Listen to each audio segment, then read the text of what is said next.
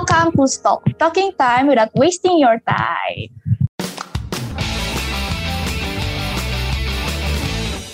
Nah, balik lagi nih di episode 2 Stok kali ini bareng aku Talita dan Aku Fanny Vandani. yang bakal nemenin kalian beberapa menit ke depan. Yes, bener banget. Nah, oke. Karena ini langsung aja ya, karena kita ini adalah di bulan Mei. Nah, tau gak sih di bulan Mei ini itu di Indonesia identiknya sama apa? Berhubung kita uh, sebagai mahasiswa dan pelajar ya, jadi bulan Mei ini tuh dikenal sebagai bulannya pendidikan loh. Nah, menurut Talita sendiri, definisi pendidikan tuh apa sih? Kalau menurut aku ya, pendidikan tuh pokoknya pasti penting banget sih buat kehidupan kita. Kayak menurut aku kalau tanpa pendidikan tuh hidup kayak hampa aja gitu, Kak. Biar kita tuh juga gak gampang dibodohi sama orang kayak gitu. Kayak jadi berdasarkan pengalaman ya Talita nih kayaknya. nah sebenarnya makna pendidikan setiap orang tuh beda-beda gitu loh. Dan kadang pemikiran yang berbeda itu tuh menimbulkan suatu stigma yang berbeda juga. Kalau menurut aku sendiri, pendidikan itu adalah suatu proses pembelajaran yang bisa dilakukan secara formal atau nggak formal, yang tujuannya itu pastinya untuk mendidik dan mengembangkan potensi diri sih. Iya bener banget Kak. Tapi kenapa ya kayak masih banyak aja orang tuh yang melabelkan tuh pendidikan tuh cuma buat orang-orang tertentu aja atau bahkan kayak cuma gender-gender tertentu aja. Ah, ah, nah, itu tuh biasanya eh, tergantung tak karena tadi yang aku bilang berdasarkan pemikiran yang beda, akhi- akhirnya stigma berbeda juga kan. Nah, ini kayak contohnya misal pernah nggak sih dengar eh, kalau misal fitrahnya perempuan itu tuh ya sebagai istri dan ibu gitu. Jadi eh, untuk menyekolahkan suatu anak tuh bukan kewajiban lagi. Jadi yang kewajiban menyekolahkan anak itu seorang pria kayak gitu. Terus ada lagi nih pasti sempat dengar kan yang dulu pernah diperdebatkan kayak perempuan tuh nggak usah sekolah tinggi-tinggi toh akhirnya juga yang bekerja akhirnya eh, laki-laki kayak gitu tahu kan? Tahu-tahu banget itu. Itu kayaknya Mm-mm. dulu tuh sempet jadi kayak topik yang hot gak sih Kak dulu? Iya banget banget. Hmm, terus juga tuh stigma negatif masyarakat eh, sama orang-orang penyandang yang disabilitas itu juga masih Oh. ada tuh sampai sekarang. Iya iya bener banget. Terus ada juga anggapan yang bilang kalau yang boleh berpendidikan itu tuh cuman orang yang berada aja gitu loh. Hmm, bener-bener sangat disayangkan ya kak ya karena Mm-mm. stigma-stigma negatif itu tuh ya masih ada dan karena eh, nggak semua itu benar sebenarnya gitu nggak sebenarnya Mm. sesuai fakta. Nah pendidikan itu ngomong-ngomong tentang pendidikan nih ya pendidikan itu kalau aku identik sama yang namanya sekolah. Kira-kira Kak Fani ada nggak nih kayak masa-masa yang dikangenin banget sama masa-masa sekolah? Pastinya ada lah ya bakal kangen banget sih sama zaman-zaman sekolah. Kayak dulu tuh eh, kalau sekolah aku kayak sering ikut ekstrakurikuler, terus kayak ngadain event gitu di sekolah sampai yang semangat banget sampai malam banget. Terus biasa ada jam kos, tahu kan yang jam kos? Dong pasti itu mah. Terus itu tuh uh, dulu tuh di sekolahku ada kayak semacam gerakan literasi gitu loh di tiap minggu. Jadi kayak kamu ada gak sih kalau Iya, iya. gerakan literasi dulu, kayak gitu dulu tuh? aku juga ada di sekolah aku. Jadi eh, dulu tuh eh, sebelum kayak ada pelajaran dimulai gitu, kita tuh kayak suka baca-baca buku gitu. Biasanya buku-buku Iya, fiksi, buku-buku fiksi. Nah, eh kita kalau ngomong-ngomong tentang literasi nih, tau gak sih Kak, sebenarnya 17 Mei itu tuh diperingati sebagai Hari Buku Nasional. Jadi sebagai Hmm.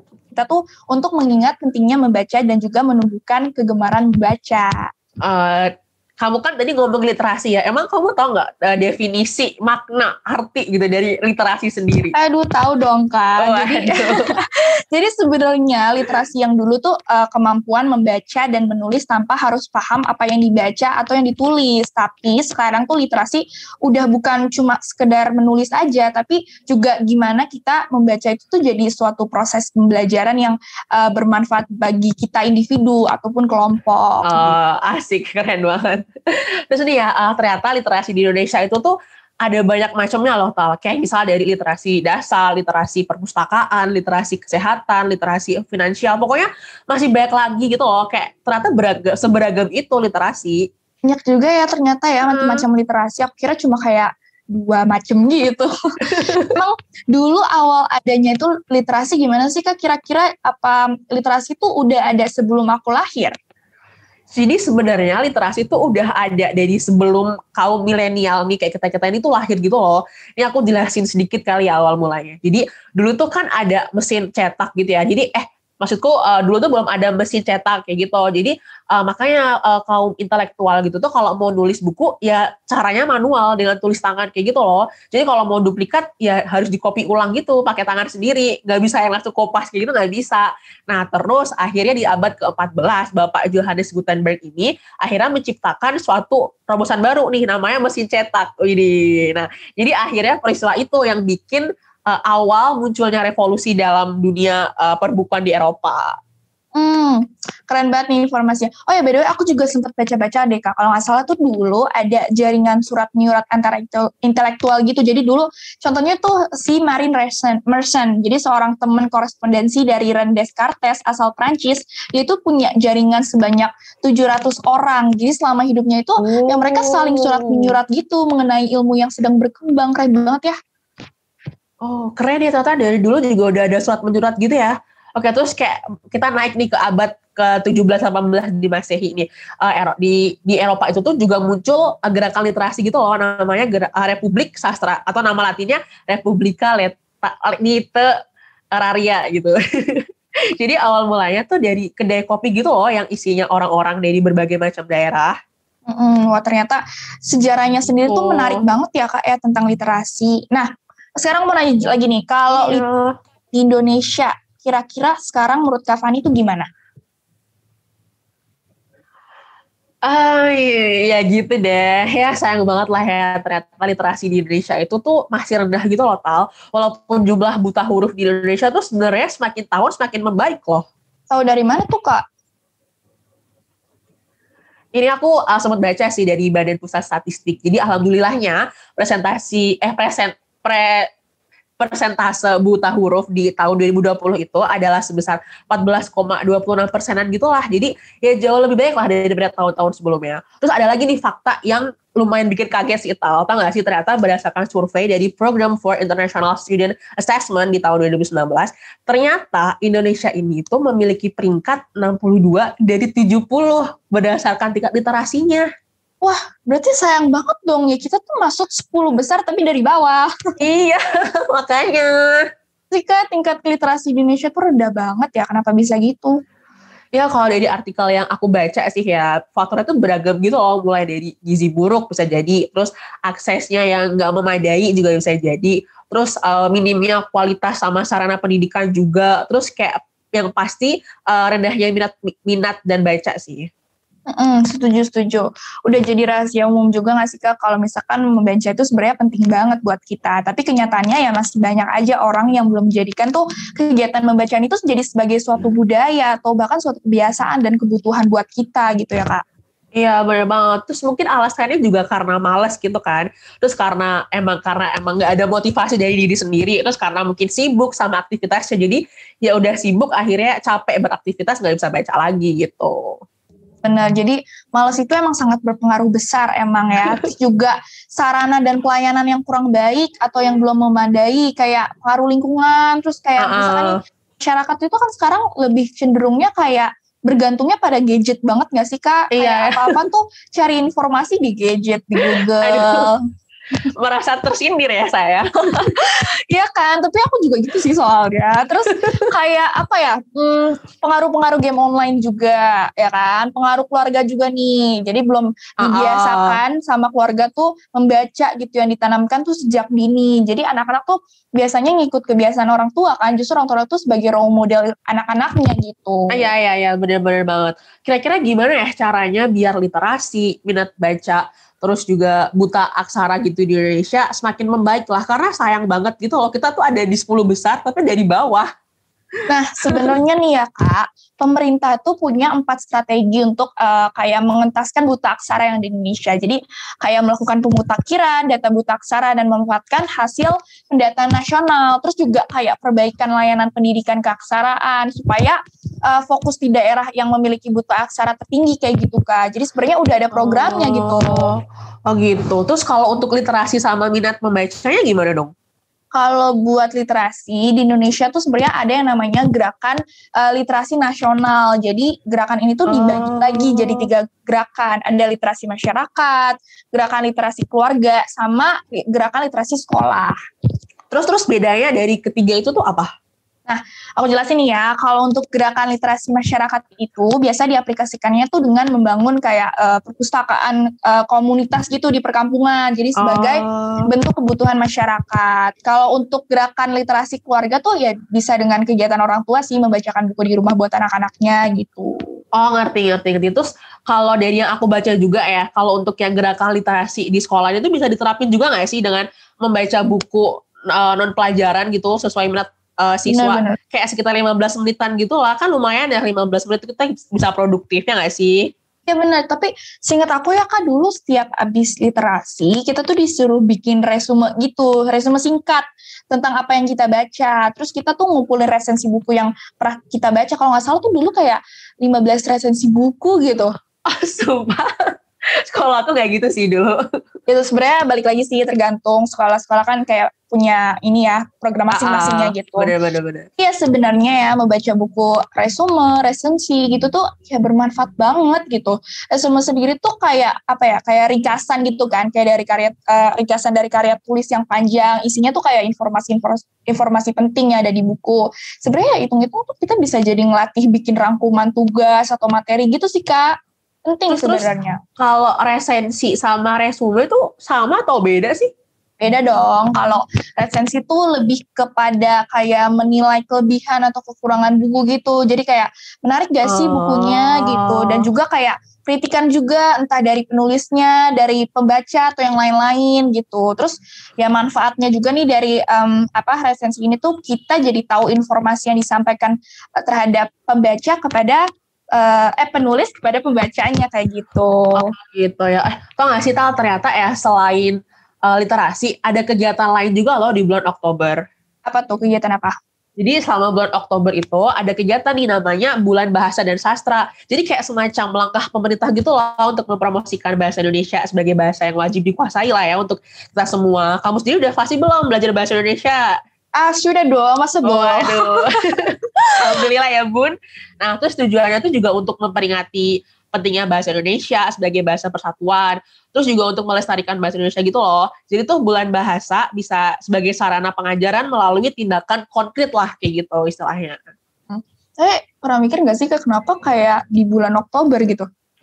Pasti kalau kayak gitu tuh hubungannya sama Sumpah Pemuda gitu loh di ta tanggal 28 Oktober kan. Terus juga di Sumpah Pemuda kan ada nih di poin ketiga inget nggak ada bait kayak gini nih. Uh, kami putra dan putri Indonesia menjunjung bahasa persatuan bahasa Indonesia, tau kan?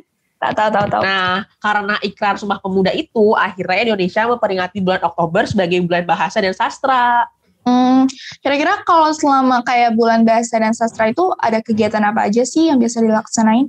Ih banyak tahu hal yang sudah dilaksanain kayak uh, ada suatu kegiatan nih sebagai ajang berkarya uh, ada untuk uh, peningkatan kualitas berbahasa Indonesia juga ada terus sebagai ajang perlombaan kayak waktu tahun 2019 deh itu kan ada lomba debat juga ya lomba mendongeng terus kayak ada festival teater beda buku terus sampai festival film pendek itu juga ada loh ternyata Hmm, ya ya. Kira-kira yang boleh ikut berpartisipasi di bulan bahasa tuh siapa aja? Aku boleh nggak sih?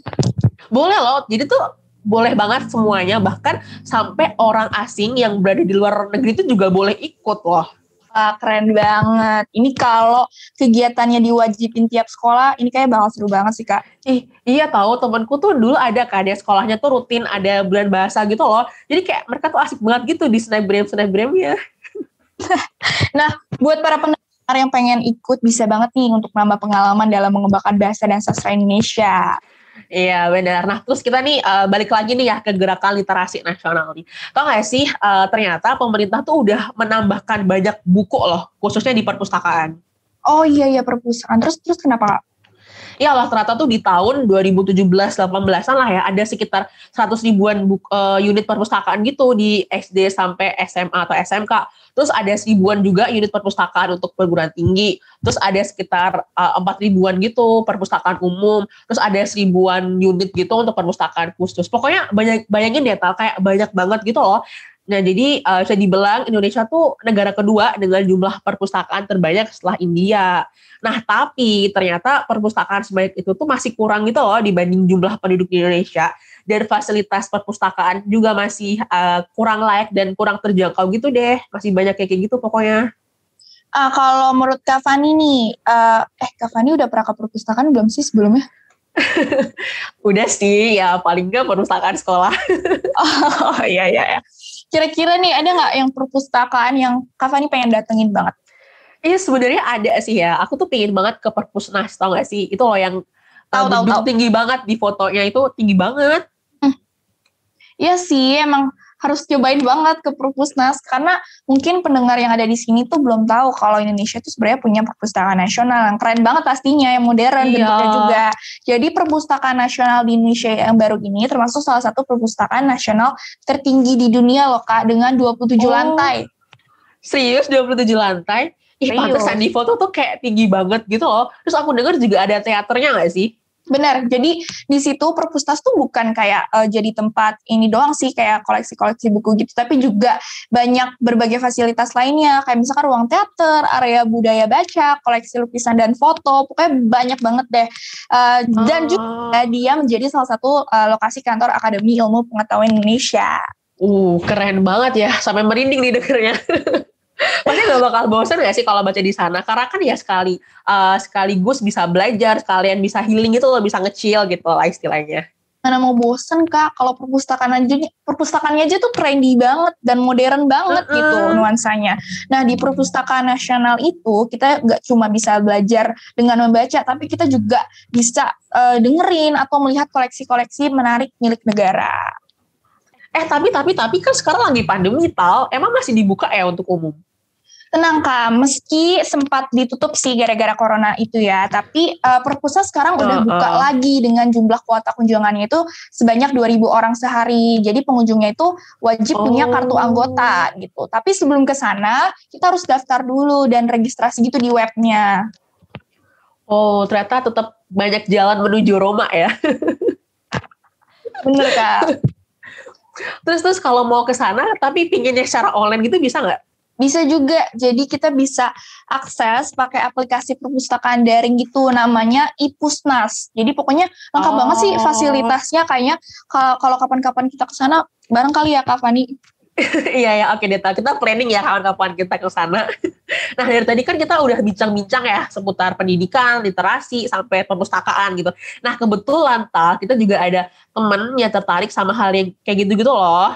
Mm -hmm. Boleh kali ya kak, kita langsung panggil aja narasumber iya, kita. Iya, langsung dipanggil aja ya. Oke. Okay. Okay. Halo, nah kita udah kedatangan nih kedua narasumber kita khusus buat episode 2 kali ini. Nah mungkin boleh langsung memperkenalkan diri masing-masingnya buat para pendengar supaya para pendengar juga tahu nih kita lagi ngobrol sama siapa. Silakan boleh memperkenalkan diri. Oke, hai semuanya. Perkenalkan, nama aku Devi Putri, biasa dipanggil Depi dari angkatan 2018. Halo Hai, Kak Devi.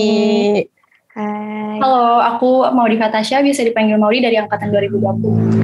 Halo, Halo Maudi. Nah, denger-denger nih, kalian ini kan berdua tertarik ya sama buku gitu. Kok bisa sih uh, ketertarik sama buku? Kira-kira kenapa sih awalnya? Boleh diceritain deh dari Maudi dulu.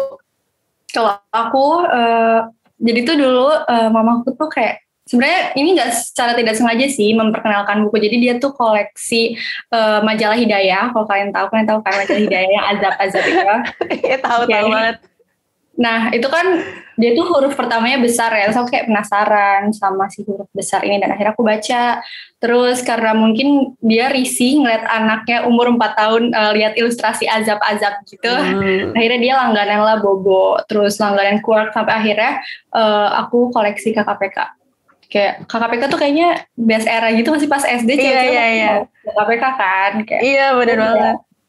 Yaudah aku mulai suka banget itu dari si KKPK itu nyampe. Kayaknya ada dua bookshelf gitu dari si KKPK terus akhirnya didonasiin. Oh gitu. Kalau dari Kak Devin ini gimana nih? Kalau aku juga dulu emang udah apa ya secara terpaksa sih sebenarnya awalnya. Udah direcokin buku eh jangan apa jangan lihat TV jadi dulu tuh aku nggak boleh lihat TV jadi dibatasin gitu. Cuma bolehnya weekend itu pun cuma beberapa jam. Dan lebih disuruh dikasih buku gitu loh. Kayak nih baca buku apa apa hmm. terus awalnya kan kayak aduh buat apa sih baca buku? Tapi akhirnya lama-lama kayak ih ternyata baca buku tuh seru gitu loh kayak dibanding film apa dibanding kartun yang ada di TV kan visualisasinya lebih jelas. Nah kalau buku tuh aku bisa mengimajinasikan semauku gitu dia bakal aku bikin kayak gimana tuh terserah aku. Terus akhirnya aku langganan juga kayak mau di langganan Quark biar berasa pintar aja soalnya lumayan kan kali aja bisa ikut Olimpiade gitu. Tapi ternyata Iya iya. Iya bener banget dulu kalau zamanku tuh uh, kalau yang punya kur tuh pasti kayak orang pinter gitu iya, loh kak. Iya kan? sih? Kayak pada ikut Olimpiade gitu terus dia Mm-mm, ada bener-bener. Olimpiade. terus yang bawa kuak itu langsung kalau Olimpiade pada buku apa Mm-mm, bawa buku-buku kuak gitu kayak ih terus aku juga apa biar tidak songong juga kuak-kuakan dan merasa otaknya tidak nyampe juga akhirnya menemukan KKPK karena kayak itu bener-bener hype banget sih waktu SD dan Kayak semua orang pasti punya gak sih? Kayak dulu aku suka nggak suka baca juga beli aja gitu karena lagi zaman kan. Karena tren ya Tal ya. aja. Nah aku mau nanya nih kan buku tuh banyak genre-genrenya ya kayak ada nggak sih mungkin Kak Maudi sama Kak Depi tuh kayak punya genre favorit gitu. Bisa dong sharing ke kita sekaligus mungkin punya kayak penulis uh, favorit juga gitu. Boleh Maudi cerita? Eh, aku sebenarnya nggak tahu genre apa enggak, tapi aku suka banget baca mitologi kalau kalian tahu. Oh. Jadi, Iya, aku tuh suka karena dia apa ya? Pasti kan setiap mitologi itu punya persepsi eh, gimana terjadinya kehidupan kan, pasti beda-beda. Hmm. Dan akhirnya aku kayak menampung semua persepsi gitu. Ada mitologi Yunani, mitologi Roman, a- dari kepercayaan agamaku, dari sains kan kayak lumayan banget ya sih dapetin persepsi itu. Kalau misal penulis favorit, I would say itu sih Rick Riordan yang nulis Percy Jackson. Kalian tahu gak sih? Tahu kan pasti. Oh tahu tahu tahu Percy Jackson Iya. tuh juga mitologi kan ya. Iya, dia mitologi Yunani. Hmm. Aku itu sih. Wah menarik banget ya. Kalau Kak Depi gimana nih? Keren ya sih Maudi. Kalau aku sih apa ya? Aku ekspor genre, nggak ada genre yang aku bakal suka gitu. Eh bukan maksudnya bukan bakal suka kayak nggak ada spesifik genre yang aku sukai banget gitu. Jadi explore aja pokoknya sesuai mood kalau moodku lagi pengen romance ya romance. Kalau pengen sci-fi ya sci-fi kayak gitu. Nah, kalau penulis aku kalau kuliah ini lagi suka sama penulis yang namanya Adika. Tahu nggak? Nggak tahu ya. Oh nggak tahu nggak tahu. Itu kalau suka yang sama penulis itu. Kenapa? Kenapa suka sama penulis itu tuh? Oke, Tadi. kalau Adika tuh soalnya dia tuh emang penulis baru, tapi bisa dibilang nggak baru juga. Hmm.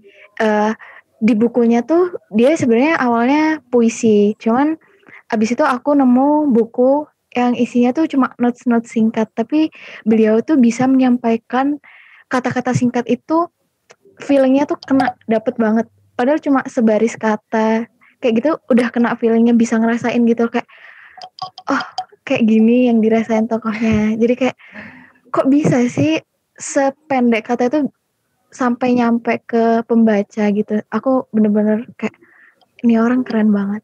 Banget ya. Hmm. Terus tadi yang tadi kata Kak Devi itu bukunya tentang apa sih Kak? Tentang menceritakan tentang apa tuh? Yang tadi Adika ya? Siapa? Iya.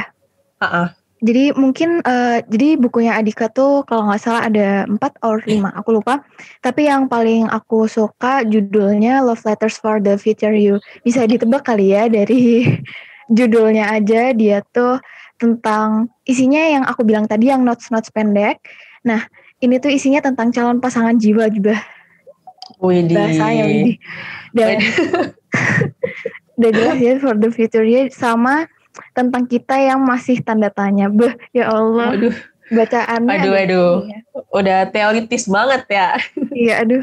Tapi eh, bukunya juga ditulis dalam bahasa Inggris gitu. Jadi kalau misal kali eh, kan sometimes kalau ditulis sama bahasa Indonesia tuh kita agak ngerasa kayak ih agak geli ya, tapi dengan kata-kata bahasa Inggris kayak lebih meminimalisir kegelian itu gitu. Jadi Bisa gitu ya Kak Devi ya. Terus nih, eh, kalau Kak Devi sama Maudi sendiri, biasanya kalau baca buku tuh suka suasana kayak gimana sih? Suka yang suasana eh, sepi atau kayak mau berame-rame pun nggak apa-apa kayak gitu. Jadi Maudi deh. Kalau aku honestly kayaknya rame atau sepi itu gak ada masalah sih, tapi yang kayak suhu sih yang mempengaruhi. Aku nggak bisa baca kayak aku nggak nyaman aja gitu kalau misalnya dingin banget atau panas banget. Yang penting ya sejuk aja gitu nggak sih? Suhu kamar gitu ya, suhu ruangan. Iya betul. Kalau Kak Devi? Kalau aku em, nggak ada sih kalau suasana yang mendukungku untuk baca. Pokoknya kalau misal aku udah ada senggang, waktu senggang, urusanku udah beres semua dan aku gabut nggak ngapa-ngapain, ya aku bakal baca buku gitu aja. Oh, Oke. gitu. Oke, tadi kan kita udah bahas nih kalau tentang kayak buku favorit gitu kan, atau genre-genre favorit. Nah, eh, kira-kira justru ada nggak kayak kebalikannya, genre atau satu buku yang udah pernah dibaca justru kurang suka gitu? Sy- apa? Terus kayak kenapa gitu gak, gak sukanya? Kalau mungkin ada. Eh, siapa? Maudi? Kalau aku jujur gak suka romance terjemahan gitu loh, karena Demi apa sih? Iya karena tuh feelnya suka nggak dapet kak. Jadi kayak kadang tuh kata-kata yang digunain buat si terjemahannya itu nggak yang seharusnya emang dipersepsikan sama si penulis kan. Oh, tahu-tahu. Jadi kayak geli gitu gak sih? Iya jadi cringe gitu loh jatuhnya, bukan yang malah masuk ke dalam ceritanya. Hmm.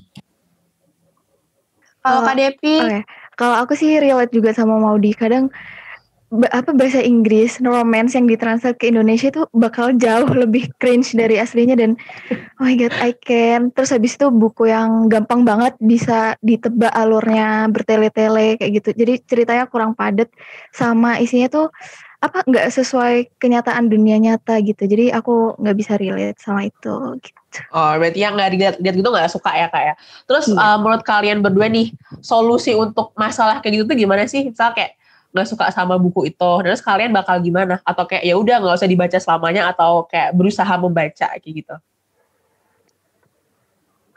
Jadi jadi Kak Devi deh. Oke, eh, sebenarnya sih susah ya kalau semisalnya mau bikin apa enggak bikin bisa suka baca karena kan kalau menurut aku balik ke diri orang itu sendiri dia tuh punya keinginan enggak.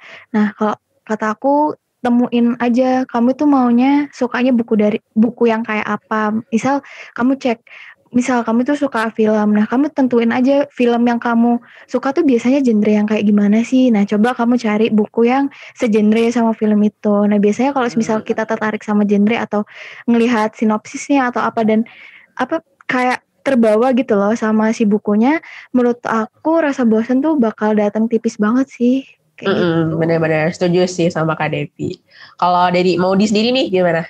Kalau menurut aku itu tergantung si pembaca itu tujuan bacanya apa. Jadi kan kayak ada orang yang jadiin buku tuh hiburannya dia kan, tapi ada orang juga yang jadiin Hmm. buku itu buat belajar. Kalau misalnya, kayak misalnya aku nih, aku gak suka kan romance terjemahan, tapi kan aku baca buku tuh buat suatu hiburan ya. Udah namanya hiburan ya, aku pasti bacanya yang aku suka aja. Kecuali kayak misal anak sastra nih, emang dia pengen ngulas eh, si buku itu, berarti kan mau nggak mau dia juga harus baca kan. Mm. Gitu. Iya ya bener-bener banget. Oke, nah eh kalau Maudi nih sama Kak Depi kan orang-orang yang suka banget dibaca buku. Nah kira-kira kenapa ya kalau sebagian banyak ya kayak teman-teman aku juga dan termasuk aku sih itu kurang suka membaca buku gitu. Kira-kira kalau dari sudut pandang kalian tuh kenapa alasannya mereka tuh nggak suka baca buku gitu?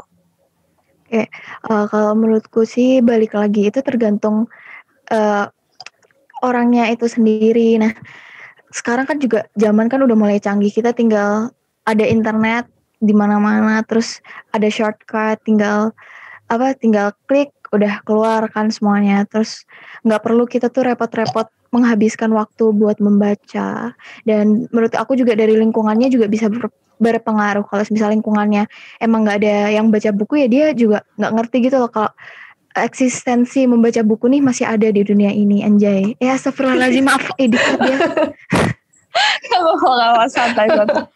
Oke, keren banget jawabannya, sangat berwibawa ya. Oke Kalau- oke. Oke, jadi kan uh, aku sama Talita tuh juga sempat bahas kan kak sama uh, tentang literasi gitu nih. Nah menurut kalian sendiri literasi di Indonesia tuh kayak gimana sih?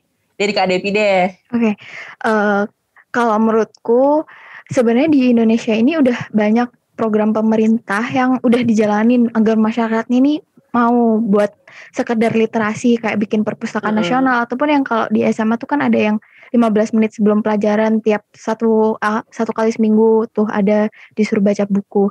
Nah, cuman dari segi keinginan masyarakatnya sendiri pun itu masih kurang. Kalau menurut aku seperti itu.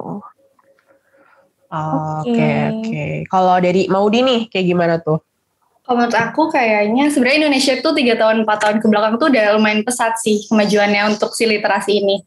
Tapi emang kalau dibandingin sama negara negara-negara lain kita pasti kalah jauh banget karena iya betul betul iya karena nggak cuma dari masalah kemauan anaknya juga kadang ada ada yang anaknya mau tapi dia nggak punya kesempatan itu loh karena terhalang ekonomi atau terhalang yang lainnya gitu. Mm -hmm.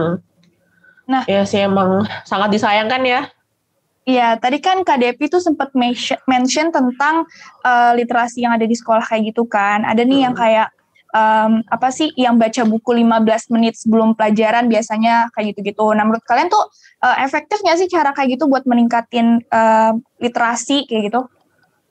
Kalau menurut aku efektif sih, karena gini aku aku tuh pernah punya pengalaman. Jadi kan uh, sekolah di sekolah tuh ini bukan 15 menit itu sih uh, pasti same case juga. Jadi tuh ada pojok buku kan biasanya di setiap kelas.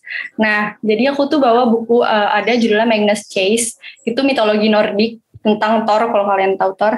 Uh, jadi tuh teman-temanku yang cowok kan cowok mostly nggak suka baca buku ya dan itu kayak yeah, yeah, yeah. itu buku aku itu dioper-oper sampai yang covernya rusak gitu loh karena mereka penasaran sama the real story about Thor dan Odin dan yang lainnya. Jadi kayak sebenarnya tuh bisa 15 menit itu mempengaruhi literasi Indonesia karena uh, tergantung si bukunya itu yang dipakai tepat apa enggak itu sih menurut aku. Mm, benar-benar. Iya benar sih. Jadi kayak tergantung dari bukunya sendiri gitu nggak sih? Dari covernya atau dari uh, genrenya. Kalau misalnya dia udah suka sama genre itu ya pasti mau nggak mau pasti bakal suka gitu kan. Betul. Hmm, setuju sih aku sama Maudi dan bakal balik lagi ke orang-orangnya. Kalau misal walaupun nggak suka baca buku buku pun uh, programnya itu bisa jadi step kecil buat mereka untuk memulai literasi secara rutin kayak gitu. Wih, mantep banget jawabannya Kak Devi. nah terus kalian ini kan uh, udah banyak banget ya baca buku dari zaman dulu banget di zaman sekolah. Kira-kira uh, sampai sekarang jadi mahasiswa ini ada ngerasa perbedaan nggak sih dalam membaca buku?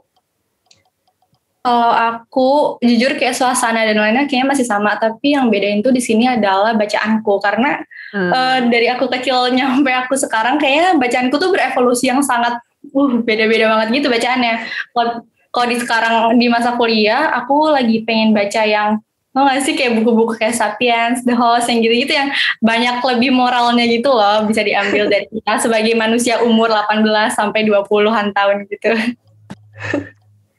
Oh, I see. Udah mulai berat ya sekarang pembacaannya. okay. Kalau Kak Devi ini gimana? Kalau menurutku ya kalau waktu pelajar tuh uh, ada suatu kewajiban buat kita itu baca buku A atau B atau C. Nah, kalau kuliah itu tergantung diri kita sendiri nggak sih? Kalau dosen kan cuma ngasih referensi aja, terserah kamu mau baca lebih lanjut atau enggak. Nah, habis itu dari segi pemilihannya pemilihan bukunya juga benar kata Maudi bisa beda karena ada proses pendewasaan dari pelajar ke mahasiswa. Aduh, keren banget gitu. Jadi cara orang buat coping proses tersebut proses pendewasaan tersebut itu bakal berbeda-beda. Orang yang dulunya mungkin lebih suka fiksi atau yang lebih menghibur hmm. dengan proses pendewasaan ini bisa lebih butuh yang mana sih yang bisa memotivasi aku untuk mencari jati diriku yang sebenarnya tuh kayak gimana. Wah, keren banget. Hmm. Harus masukin tuh. Kalau aku, ah, ayo lanjutin Kak Devi. Sorry, sorry. Oke. Okay. Sama waktu juga berpengaruh. Kadang karena sibuknya perkuliahan, kita tuh lebih memilih bacaan yang singkat setidaknya itu bisa menghibur kita sedikit gitu. Oh, gitu. Kalau aku malah kebalikan dari Kak Depi. Kalau aku tuh dulu waktu kecil suka banget sama uh, semua jenis kayak KKPK gitu-gitu kan, kayak kuart gitu-gitu yang bikin happy aja gitu. Cuman sekarang karena mahasiswa dituntut untuk bisa uh, belajar jurnal, ibu gitu kan. Jadi karena tuntutan akhirnya belajarnya kayak anu Safis, Gaiten gitu. Kalau Talita gimana? Aku ya ya. Jujur aku jarang banget sih kayak baca buku tuh terhitung jarang banget. Aku tuh lebih suka nonton film gitu loh. Hmm. Jadi ya makanya itu nih. Nah aku sekalian mau nanya deh. Kira-kira aku tuh suka nih pernah dulu pas SMP aku coba mau baca buku novel gitu kan, karena kakakku beli gitu. Terus kayak uh, sempet ya aku mau coba baca, tapi itu cuma beberapa hal halaman doang, kayaknya cuma 3 sampai lima halaman depan gitu deh, nggak nggak bakal habis gitu. Aku kalau baca kayak suka gampang ngantuk, gak tau kenapa. Nah, kayak mungkin boleh deh uh, Kak Modi sama Kak Depi kasih tahu dong kayak caranya supaya kita tuh jadi suka gitu sama literasi, suka membaca gitu gimana nih? Oke. Okay. Kalau menurut aku mungkin uh, yang biasanya cuma baca beberapa lembar itu dia tuh belum menemukan pengennya dia itu sebenarnya apa. Dia belum Waduh. Menurut aku bisa aku gitu sendiri gitu ah, keren banget. Aduh, okay, belum okay. bisa mengenal dirinya sendiri gitu. Dia tuh sebenarnya maunya apa sih? Dia tuh sukanya apa? gitu. Jadi kalau misal dia uh, kalau misal kalian pernah lihat Malam Minggu Miko karyanya Raditya. Tahu, tahu, tahu, tahu. Ya, di situ kan ada uh, apa salah, salah satu episodenya itu tentang buku. Nah, si Mas Anca ini salah satu karakter di situ, dia juga sama kayak Talita, apa baca buku selembar aja dia udah tidur, tapi akhirnya dia itu bisa menemukan buku yang bikin dia itu terjerumus ke ceritanya kayak gitu. Oke. Okay. Kalau dari aku sama sih sebenarnya kayak Kak Devi tadi aku mau ngasih tips gitu nih untuk uh, orang-orang yang nggak suka baca. Sebenarnya itu tuh mindset kalian aja sih. Kayak kalian tuh sebenarnya mau emang masuk ke dalam buku apa enggak. Kalau aku sendiri, aku kan tipe orang yang melakukan to-do list banget ya kayak benar terstruktur gitu orangnya. Ya aku uh, untuk sekarang aku juga lagi menulis itu kayak misal berapa lembar buat uh, classic start gitu. Aku juga kalau nonton pun kayak aku tuh dijadwalin gitu loh kayak hari ini aku harus nonton Endgame. Oh uh, demi apa? Iya, oh jadi kalau misalnya kalian ngerasa emang ngerasa butuh buat membaca, ya udah lakuin aja tuh tulis itu. Kan siapa tahu kayak ngerasa ada kewajiban ya udah harus kan gue harus nonton sama harus baca gitu. Gitu sih. Wow. Wow, sangat terstruktur banget ya mau di ini ya Tal ya. Sangat terstruktur banget tuh beda jauh nih kayak sama kita Kak. Iya, kita mah let it aja gitu.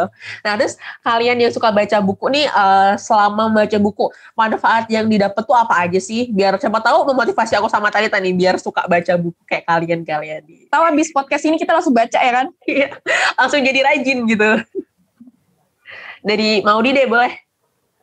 Aku sih ngerasa ya sebenarnya tuh sama aja sih. Kayak kita nonton film kan pasti kita ngerasa kadang ngerasa fun. Kalau habis capek ya udah nonton aja gitu kan. Kita juga sebenarnya yang suka baca buku pasti meng menganggap buku itu kayak gitu gitu loh. Itu bedanya yang ngebedain kenapa aku lebih suka buku dan ngerasa buku lebih banyak manfaat daripada film. Karena buku tuh lebih bisa ngayal kayak ya udah kan kita bisa lebih bisa menginterpretasikan tulisannya si penulis ini terserah maunya kita. Mau misalnya kayak novel tentang sekolah kita kan mikir jadi sekolahnya bentuknya kayak gimana ya? Latar sekolahnya gimana ya? Jadi kayak sendiri gitu ya buat cerita iya jadi kayak lebih fun aja bacanya dibanding uh, film. Mak makanya banyak uh, film yang awalnya dari buku itu kan pasti nggak seseru bukunya kan? Jadi kayak uh, uh, bener, bener, bener. buku aja gitu Aduh, jadi tertarik gak sih Tal kita? Kak, abis ini kita baca sebuku-buku. kalau Kak Devi gimana tuh? Oh, eh, Oke, okay. kalau dari aku tuh, aku bakal bisa tahu uh, wawasan baru, of course, kayak kosakata baru yang nggak pernah aku dengar sebelumnya, terus jadi bantu apa UTBK kalau misal ujian-ujian kayak gitu tuh, aku jadi tahu kayak walah ada ternyata kata ini aku pernah aku pernah nih baca kata-kata ini di buku dan artinya sama-sama ini. Jadi apa menambah uh, apa sih kayak jadi lebih gampang inget gitu. Karena udah keseringan baca abis itu kalau menurutku juga apa dari baca buku ini juga bisa nambah sosialisasi, sosialisasi juga. Misal kita nih tiba-tiba aja tuh ketemu stranger eh ternyata dia lagi bawa buku yang sama kayak yang lagi kita baca gitu kan. Mungkin kita ada di situasi di situasi yang mana kita tuh mengharuskan kita untuk apa berkenalan dengan stranger jadi kita tuh bisa bahas buku itu bareng-bareng kayak gitu. Itu sih dan bisa oh. motivasi diri kita juga. Biasanya kan buku-buku yang motivational sekarang kan udah nggak yang bahasanya tuh nggak yang baku-baku banget ada yang disesuaikan sama kita nah itu uh-uh. bisa memacu diri kita jadi lebih baik gitu hmm. ini Kak Devi ini kayak pengalaman banget ya tadi yang stranger bawa buku itu jangan-jangan udah pernah mengalami oke okay, di film-film Kalau berhubungan sama kayak lomba-lomba karya tulis gitu, kira-kira siapa nih? Siapa nih Kak Fani yang muka-muka udah pernah ngikutin Waduh. lomba-lomba? Nggak Mau bisa pernah? dilihat ya. Mau di pernah nggak? Honestly nggak pernah sih, tanyakan pada ahlinya. Kak Devi ya gimana nih? Berarti Kak Devi nih yang jago banget. Ais, enggak enggak jago-jago amat tapi ya aku alhamdulillahnya udah sering ikut lomba karya tulis kayak gitu.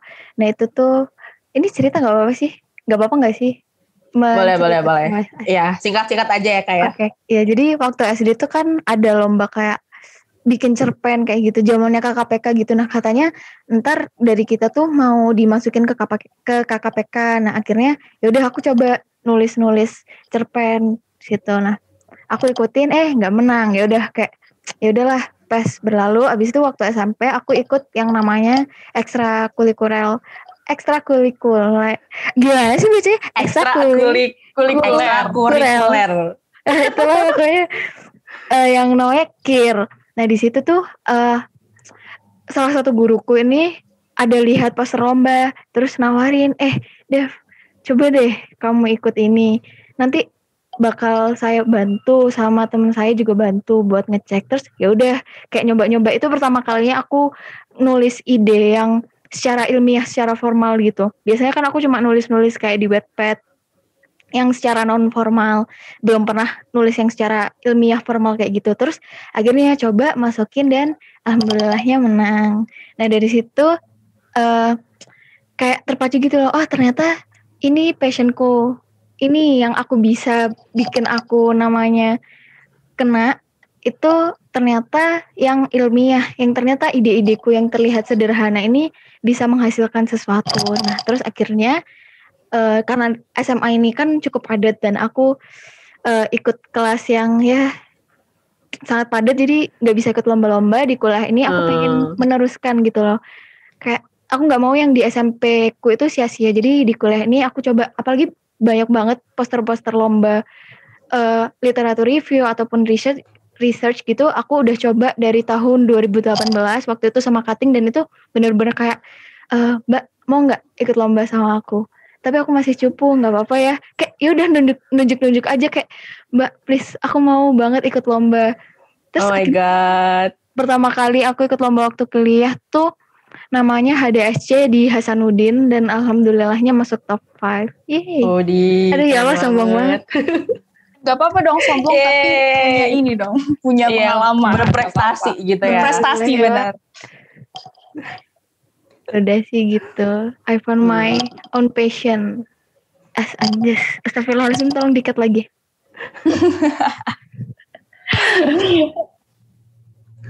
Oke, terus Kak Fani mau nanya apa Oke, nih? aku mau nanya deh, uh, buat ke depannya nih, uh, kira-kira mau di sama Kak Devi ada pingin jadi penulis gitu gak sih? Gimana nih? Kak Devi pasti pingin ya? Eh, iya sih pengen aku pengen jadi penulis apalagi lihat kalau misal apa dosen-dosen tuh kan kayak ngejar eh, namanya jurnal il, eh, ya jurnal ilmiah Nah, aku pengen juga namaku itu ada di internet dengan hasil-hasil risetku hasil-hasil literatur reviewku aku pengen namaku tuh di sana sekalian menambah Waduh. kredibilitas Amin, diri amin, Kak. amin. Yang kita doain bareng-bareng. Amin. Iya. Kalau mau di ini gimana? Mau gak? Hmm, aku kayaknya nggak deh, soalnya aku lebih suka baca sih daripada nulis. Jadi, Iya I sih. know. Di, Ah, boleh ah, dicoba mod boleh dikira siapa siapa tahu kan jadi tertarik nih kayak Devi. Ah, Oke, terakhir terakhir diri. deh. Terakhir ya buat yang terakhir nih. Kira-kira saran deh dan harapan juga untuk literasi khususnya di Indonesia ke depannya nih kayak apa gitu. kalau Jadi Kak Devi deh boleh. Dari aku sih eh, salah satu program pemerintahan kayak Perpusindo itu kan sekarang kalau nggak salah ada online-nya. Nah, bukunya leng- lumayan lengkap dan itu gratis. Tapi jarang banget orang yang dengar. Nah, aku harapnya sih pemerintah bisa lebih mempromosikan platform platform tersebut di media-media sosial. Apalagi kan anak-anak sekarang udah pada main medsos ke mana-mana. Nah, itu dikasih tahu ada loh platform yang namanya Perpus Indo.